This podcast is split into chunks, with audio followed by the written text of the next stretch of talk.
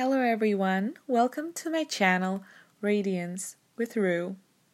And today I'm going to talk about five reasons why you and I should be like a rubber band. That's right, a rubber band, an object that you see in everyday life.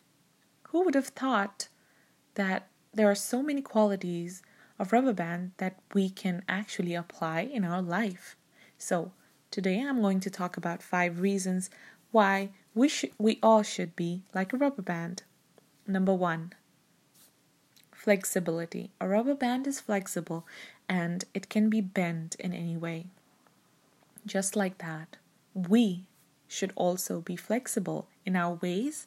We should be flexible in terms of uh, acceptance of others, and we should have like an open mind. And if we are flexible, it won't be difficult for us to adjust in any kind of surroundings.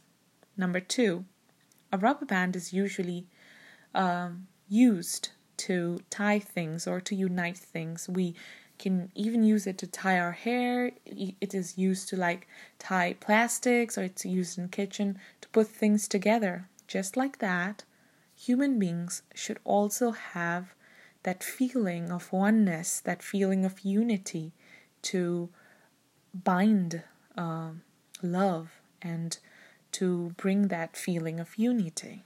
Number three, a rubber band is stretchable, and although it stretches, it always comes back to the same position that it was previously in. It's one of its physical properties. Just like that, although in life we might be stretched because of stress, anxiety, negative feelings like jealousy, or it can be any other thing. We are we might go through that pressure, but we all always we should always try to come back to our original form because that's what we truly are. Number 4.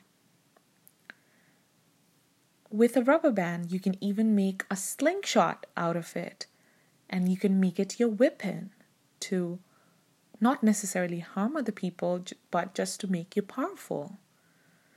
I know this is a very weird idea, but I feel like we can even use ourselves as a weapon to protect ourselves, just like a rubber band. Number five a rubber band is very small, but its use uses are very varied and it is very significant and it can be used in so many different ways.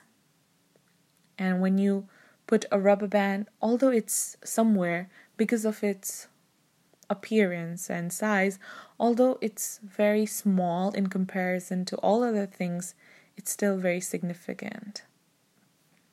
In the same way, human beings, just let's compare ourselves with the universe or the nature. We are so small in comparison to the whole world, but still we are significant and our role in the universe is very important. So, these are where the five reasons why I thought our life resembles to, or our life, no, my bad. these are the reasons why I thought we could be we could learn things like a rubber band. This was my first podcast, and uh, I just wanted to give it a try. And if you liked my podcast, and if you thought uh, if it was good enough, please send me a message or you know just give me a response, and I would really appreciate it. I hope you have a great rest of the day. Bye bye.